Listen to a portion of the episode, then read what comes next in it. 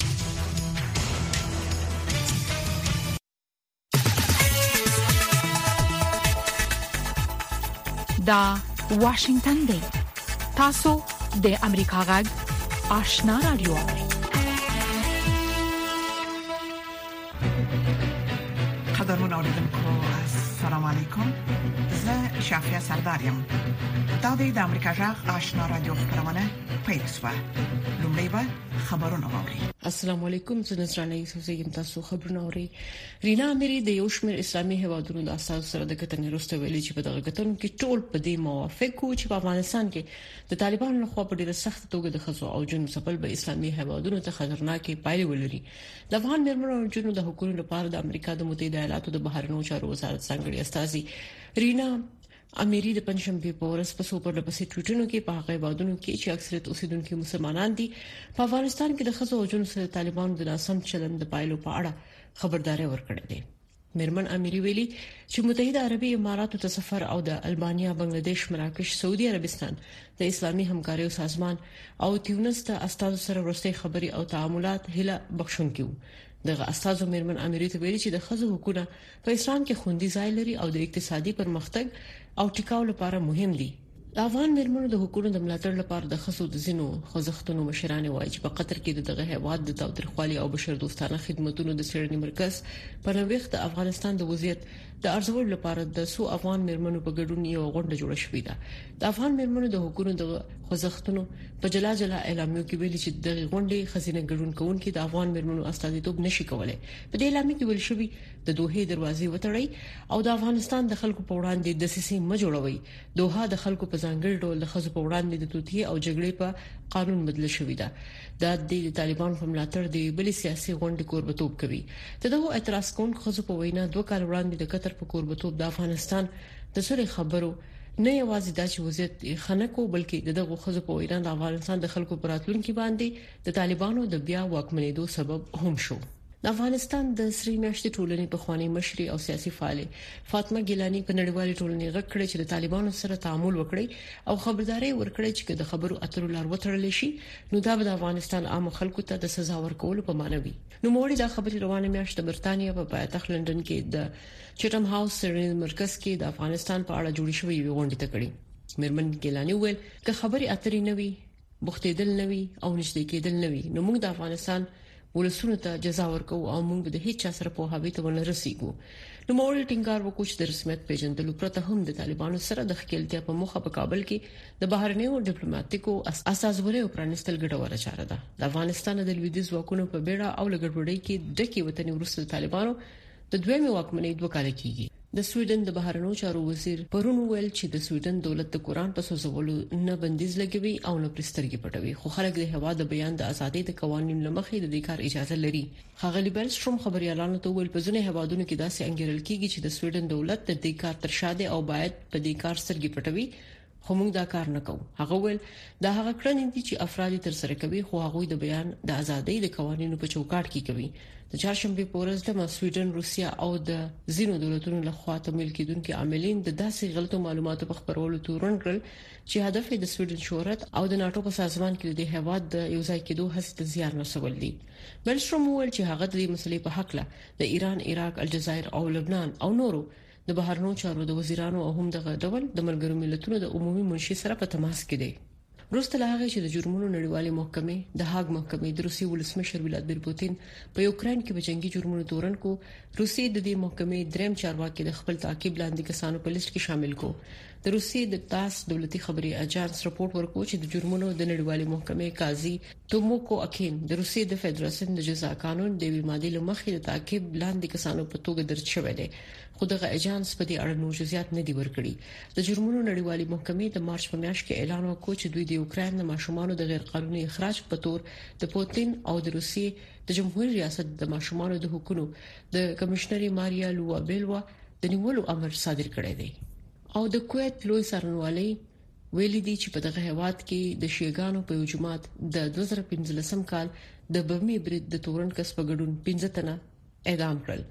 په هغه خونړي برید کې چې د داعش ټروریستي ډلې مسولیت په غاړه واخیست څلور شپې ته تنه وژل شول د دغه 15 کسانو د اعدام وړاندې د خلیج دغه هیواد کویت روستا ډلېز اقدام وروستی ډله ییز اعدام د 2022م کال په نومبر میاشت کې کړو د کویت لوی سرنوالې په اعلامیه کې ویلي چې دغه پنځو کسانو د اعدام حکم چې اکثره په قتل محکوم شو د کویت په مرکزی زندان کې تر سره شو د نوردونکو دا خبرونه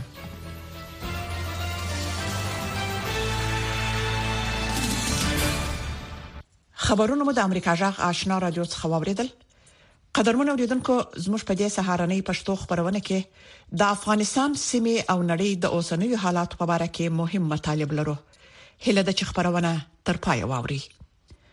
لومړی به دا راپورټ واوري چې د متحده ایالاتو د بهرنیو چارو وزارت وایي ټاکل شوې ده امریکایي چارواکي د قطر په پا پایتخت دوحه کې د طالبانو له استادو سره وګوري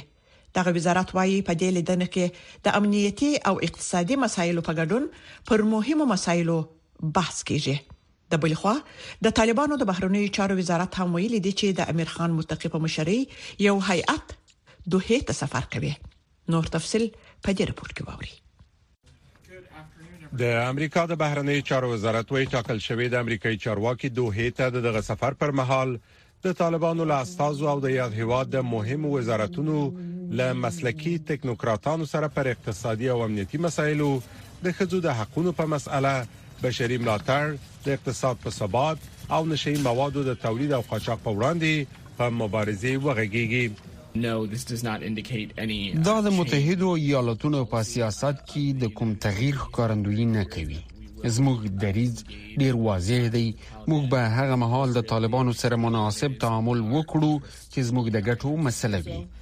دا د طالبانو د رسمیت پیژندنې او بیا هم د اړیکو د عادي کېدو او یا مشروعیت نخه هم نه ده ما پرون په ډیر روخانه ډول شاته د افغانستان د ستنولو د طالبانو لخوا د پراخو بشري سرغړونو او د میرمنو او نجونو د ګوښه کولو په اړه په خپل دوامدار اندیښنو رڼا واچوله ټول دغه موارد او ډیر نور متحده ایالاتونو ته په جدي ډول د اندیښنې وړ دي د متحده ایالاتونو د بهرنی چارو وزارت د چهارشنبه په ورځ د ویلامې په خبرولو سره وویل د افغانستان لپاره د متحدو ایالتونو خاص استازی ټام ویست او د افغان میرمنو او نجونو او د بشري حقوقو په چارو کې ځانګړي استازي ایرینا امیری د جولای ل شپږویشتمې څخه تر یو دیرشمې پورې د قزاقستان استانه او بیا د قطر پلازمینې دوحې ته سفر کوي. طالبان هم نشي کولای چې دغه اوسنۍ پالیسي چې دوی خپله کړې دغه پالیسي ته ته دوام ورکړي دوی په اقتصادي لحاظ او د حکومت علیکم په لحاظ په هر لحاظ دوی د دنیا تعامل ته ضرورت لري. په قطر کې د امریکايي او طالبانو د چارواکو ترمنځ نوی مجلس چې راځي، زه فکر کوم تر هغه وخته پورې مفید نه شي واقع کېدلای، تر څو په افغانستان کې اصلاحات رانشي او طالبان هغه څو موارد چې دي، چې د بشر حقوق دي، د ښځو حقوق دي، یو همهشموله حکومت جوړول دي، تر څو هغو ته مثبت جواب ونه وايي، زه فکر نه کوم چې دغه ملاقاتونه دې کوم مثبت نتیجه ورکړي د طالبانو د بهرنیو چارو وزارت ویان عبدالقهار بلخي هم د پنځشنبه په ورځ د خپل ټوئیټر پر پاڼه د امیر خان متقی په مشرۍ د قطر پلازمینې دوحې ته د طالبانو د پلاوي د سفر پخلی وکړ نوموړي ویلي چې پر امریکایي چارواکو سربېره دا پلاوی به د قطري چارواکو سره هم د دوه اړخیزو مسألو په سر خبرې وکړي ښاغلي بلخي ویلي په دې خبرو کې به د بندیزونو او تور لستونو ختمول د افغانستان د بانکي زیرمو آزادول او د افغانستان د هوایي حریم پر نقص بحثونه لومړیتوب ولري د امریکایي او طالب چارواکو ترمنځ د لیدنه په داسې حال کې کیږي چې واک ته رسیدو وروسته طالبانو په یو شمیر برخو په خاص ډول د ښځو او انجونو پر تعلیم او کار سخت محدودیتونه وضع کړی دي د ملګرو ملتونو د امنیت شورا تیر میاشت په یو راپور کې ویلي و چې په کابل کې د طالبانو د میشتو مشرانو ترمنځ د پالیسۍ د بدلون په برخه کې هیڅ کومه نښه نه لیدل کیږي او په لنډه موده کې د بدلون لپاره کومه هیله نشته سمي الله جلالزای د امریکا غږ انتظار پای ته ورسید ترنو لیدونکو او اوریدونکو تاسو کولی شئ د امریکا غږ ټلویزیونی او رادیوي خبرونه د یاشر ساتلایت له طریقو وګورئ او واورئ د نوي ساتلایت لارې تاسو د آشنا اتصال او کاروان ټلویزیونی خبرونه کتلای هم شئ د امریکا غږ د افغانستان څنګه خبرونه په 398 چینل او د آشنا رادیوي خبرونه په 398 چینل کې اوریدلای شئ لملتيامو د تل پشان مننه د امریکا غږ آشنا رادیو څخه تاسو زموږ سهارنۍ پښتو خبرونه اورئ درنو اوریدونکو روانه جولای میاشت د برتانیې یو څېړنیز مرکز په لندن کې یو علمي سیمینار را بللی و چې څنګه یو داسې کړنلار خپل کړی چې په مټي نړیواله ټولنه په افغانستان کې لا واکمنو طالبانو سره د خبرو اترو لپاره یو لار وباسي قاسم خان مندوخیل په دې اړه رپورت لري له افغانستان نه د لویدیځو ځواکونو په بیړه او له ګډوډۍ ډکې وتنې پس دا دی دوه کاله کیږي چې د طالبانو حکومت د خپل واکمنۍ له نوې دورې سره لاس او ګریوان دی جهانی رسمیت پیژندنه نه لري او نه هم افغان ولسونو د هوساینې سا اخیستي پر نجونو یې د ښوونځیو او پر ښځو یې د کار اورونه لا هم تړلي دي. همدا په ټپه ولاړ حالت دلته په دا وروستیو کې د بریتانیا د یوه مخور څېړنیز مرکز چېټم هاوس د رابللې ناستې موضوع وه چې څنګه له طالبانو سره کار وکړل شي. پر دې مهال د افغانستان یوې سیاسي فعالې له طالبانو سره د خبرو اترو پر ارزښت ټینګار کاوه. که خبرې اترې نه وي، بوختېدل نه وي او تعامل نه وي، نو موږ د افغانستان ولسونو ته سزا ورکوو او موږ به له هېچا سره پوهاوي ته ونه رسېږو. زه باور لرم، لکه جاپان، لکه ترکیه، هغوی د طالبانو حکومت په رسمیت نه دی پېژندلی، خو هغوی په افغانستان کې دننه حضور لري هغوی سفارتونه لري نو د هغوی لپاره اړیکه نیول اسانه ده او خبرې کول ورته اسانه وي. د چېټم هاوس د یوه کارپوه په آند که نړیواله ټولنه افغانستان له نورې نړۍ ګوښه کوي نو په دې سره د هغه هیواد سیکه او بنسټیز جوړښتونه لکه صحت عامه او نور هغه له منځه تللی شي. روابط د رسمیت پېژندلو لپاره نه دي. روابط د استازیتوب د رامنځته کولو په مانا وي چې څنګه یو ډول خبرې را پیل شي. کله چې تاسې یو هېواد ګوښه کړئ، نو په دې سره بې ساري ستونزې پیدا کېږي. د افغانستان اوسنیو حالاتو ته په کتو د بریتانیا د چیټم هاوس څیړنیز مرکز یو محقق اندیښنه ښیي که د دې هیواد کړکیچ زغرد هوار نه سي نو راتلونکی یې له یوه ناڅرګند ګواښ سره مخامخیدای سي. زموږ په څیړنیز مسایلو کې مهم دا دی چې موږ غواړو تمرکز د افغانستان په خلکو وساتو. افغانستان کې یو ناورین وجود لري فعلا بیکاري کچه د انتهایی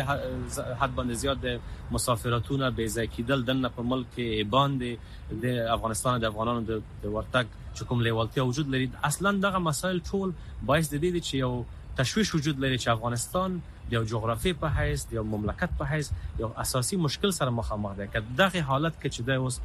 مخام افغانان ژوند کوي که دغه معلق حالت نه ونوزي نو اصلا د ټول هیواد د افغانستان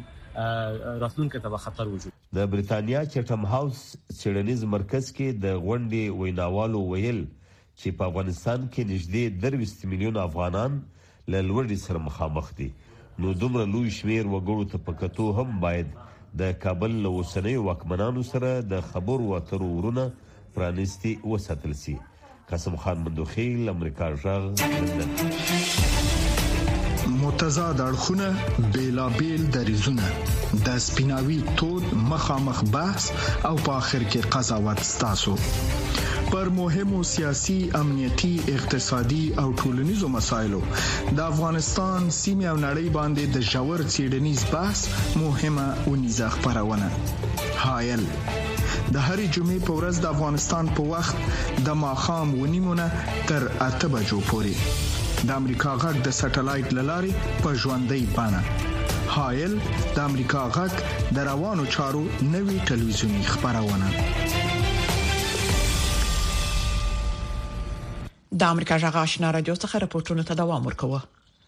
د هرات په ولایت کې د ښځو د سوداګرۍ او صنایعو د خونې مسؤلین وايي، چې د طالبانو له خوا د ښځو د کار او زده کړو له بندیز را وروسته یو شمېر ښځو او نجونو د لاسي صنایعو تولید ته مخه کړې ده. د دې خونې په وینا، د هرات په ولایت کې د لاسي صنایعو د ښځینه کارکوونکو شمېر واک ته د طالبانو د راتګ راهیسې له اویاوو څخه څلور سوه او دوه شپېته ته لوړ شوی دی. صفیح الله احمدزی په دې اړه رپورت را لېږلی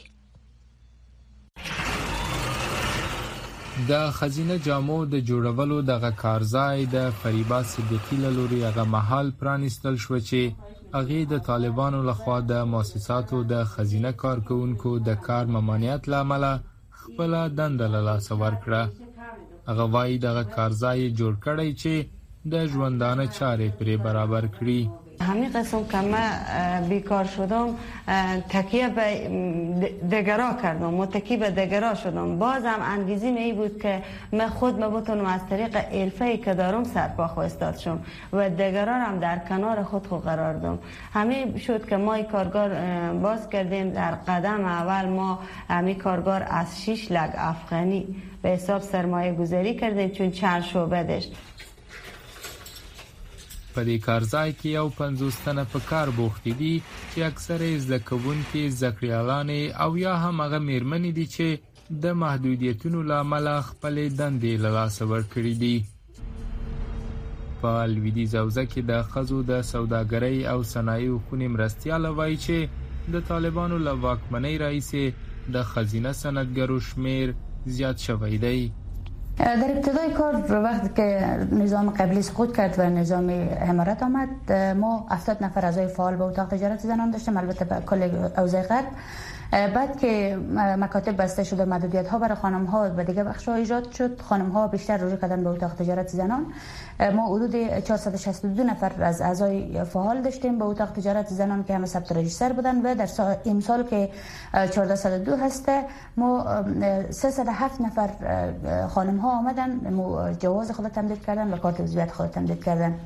دغه مېرمنې وايي، له مجبوري یې دې کار ته مخه کړې، تر څو پرې بوختې اوسي. دوی زیاتوي، که اوزګارې په کور کې پاتې شي، کېدای شي د ډېرو سوچونو له امله په رواني ناروغیو اخته شي. بلخوا د هرات حوزوي روغتون د رواني مشاورې څانګې مسؤل وايي چې په رواني ستونزو او ژور خپګان اخته ښځینه مراجعینې زیاتې شوې دي. کېدای شي په لنډمهاله او اوږدمهاله کې دوی رواني مریضي ته ډیر مبتلا شي ځکه چې دوی مصرفیات نه لري په کور کې د باندې د دغه مصرفیات نه درلودو په خاطر دوی کولای شي چې د دغه ته مخ راوړي د اعتیاد مواد مخدر ته ځینې دواګانو ته او دا یو شپه نه ده دا یو خطر ده فریبا د دری ادبیاتو او شریعتو کې د لیسانس اسناد لري خو اوس د خپل زده کړې خلاف خیاطي کوي وای هیله دا ده چې د ښځو د تحصیل او کار پر وړاندې شته محدودیتونه لرې شي او وشي کولای د خپل سواد له لارې ټولنې ته خدمت وکړي صفی الله احمدزی امریکا غږ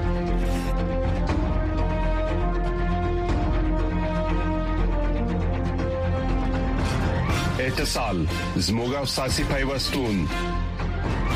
خبرونه چیرنی او خبرګونونه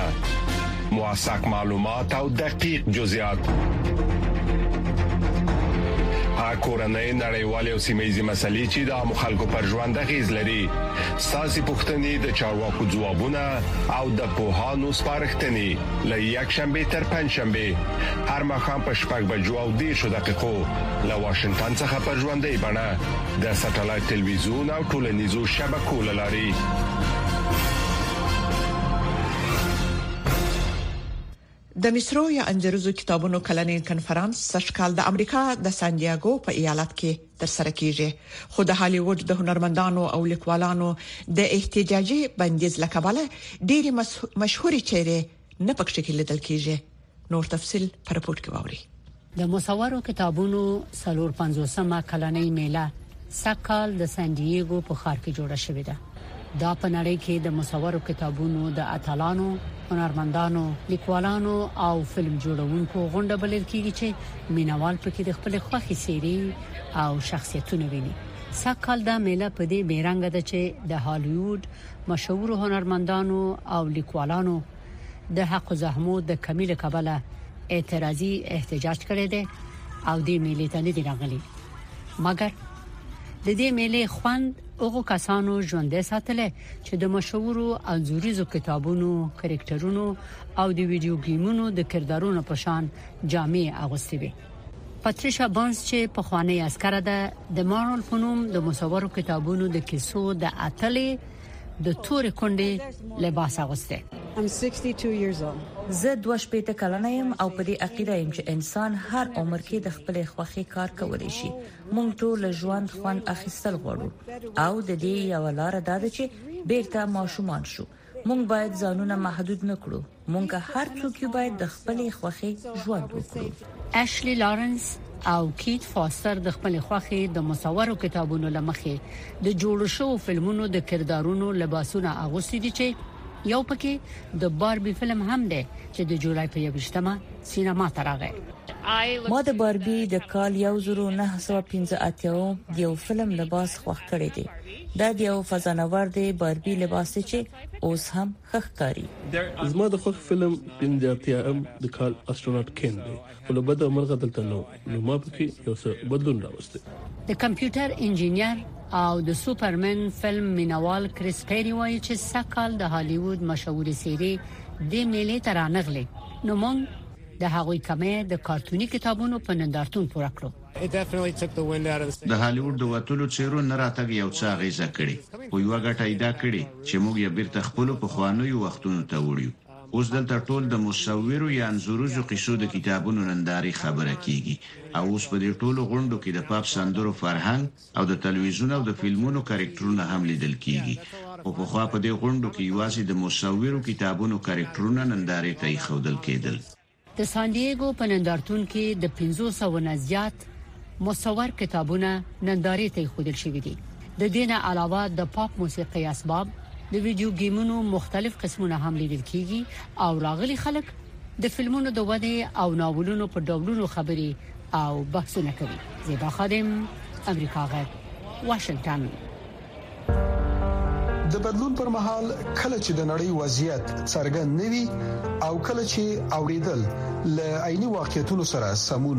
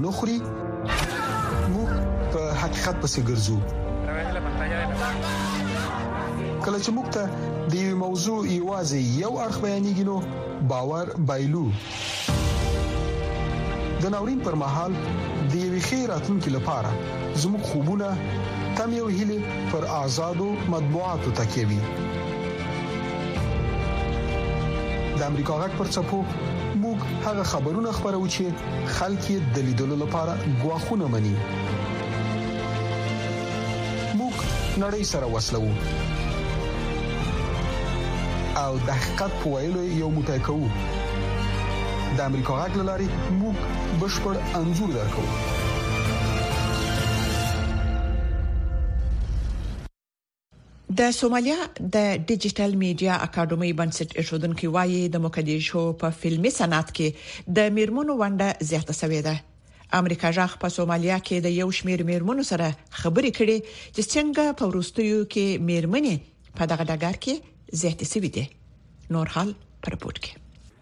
حنان عبدالقادر جمالي یو الهام بخښونکي فلم جوړونکي ده هغه یو د ډیرو میرمنو نه ده چې د فلم په صنعت کې مخکښ رول لوبوي د سومالیا ډیجیټل میډیا اکیډمي یا سودما په شان سازمانونه د هغې ملاتړ کوي د فلم جوړونې په ورستي سیمینار کې چې سوډما تنظیم کړو حنان ویل چې هغه باور لري چې فلم کولای شي ټولنیز نظرونه بدل کړي او مثبت بدلون رامنځته کړي دا ډول سیمینارونه په ځانګړي ډول د فلم جوړونې په اړه د زده کړو لپاره ګټور دي دا چې د فلم جوړونې د پروسې په جریان کې د غږونو او ویډیوګانو کارول څنګه لیدونکو ته هغه پیغام ورسوي چې د فلم هدف وي فلم د خلکو سره د کیسو په پوهېدو کې مرسته کوي یو د مهمو نظرونو نه چې د حنان جمالی کار پر مخ وړي د جنو زده کړه ده جمالی وايي هغه هیله لري چې په ټوله سومالیه کې جنو ته الهام ورکړي او ځواکمنې کړي زما هدف د جنو د زده کړې د اهمیت په اړه پوهاوی دی ځکه چې په ټولنه کې یوه برخه موجوده ده چې دا باور لري چې نجونې د زده کړې او لویو شیانو د لاسته راوړنو توان نه لري د فلمونو جوړول د پوهاوي کچه لوړولای شي او د نجونو وړتیا روښانه کړي چې زده کړه وکړي کار وکړي او د دوی د ژوند مسولیت په غاړه واخلي یوسف ابوبکر ابراهیم د سوډما رئیس دی هغه وایي چې د فلم جوړونې په غونډه کې د 50 تو زیاتو زده کوونکو برخه اخیستې ده او وایي چې دا روزنه خلکو ته ګټه رسوي موږ دغه روزنیز پروګرام د دې لپاره وړاندې کړی چې په دغه ښار کې میشتو غیر مسلکي ځوانانو ته د دې مهارت د زده کولو او پر دې د پوهیدو فرصت چمتو کړو یوسف وایي د جمالي بشان د خزو مخ په زیاتیدونکو شمیر د فلمونو جوړولو کار پیلوي او د فلمونو د جوړولو په برخه کې زده کړې کوي په دې روزنه کې موږ د سینماګرافي په موضوع په تفصیل خبري وکړي او دا چې مختلف شیان څنګه استعمالېدای شي ابراهیم فکر کوي چې د جمالي او د هغې د همکارانو په شان د نورو کسانو روزنه کولای شي د دوی د ژوند ترڅنګ په ټولنه هم مثبت اغیزه وکړي نذرانه یوسفزۍ امریکا غږ واشنگټن